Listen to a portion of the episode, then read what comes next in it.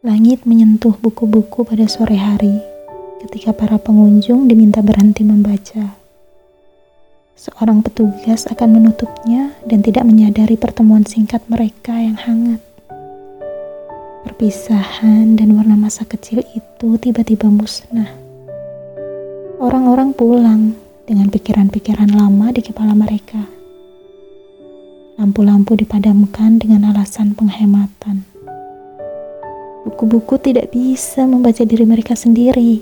Malam akan datang dan kesunyian menyusun dirinya kembali. Di depan perpustakaan, langit masih menatap jendela tertutup itu tanpa berkedip.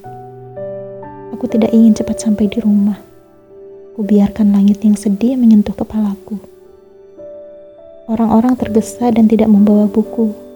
Mereka berbahaya dan tidak waspada. Di jalan menuju rumah, aku ingin memikirkan semua bunyi-bunyian, bahkan yang paling jauh, dan tidak ingin mengerti apa-apa.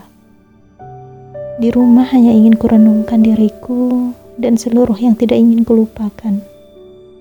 Jika mimpi datang, aku ingin jadi jendela yang luas untuk langit, buku-buku, dan kau.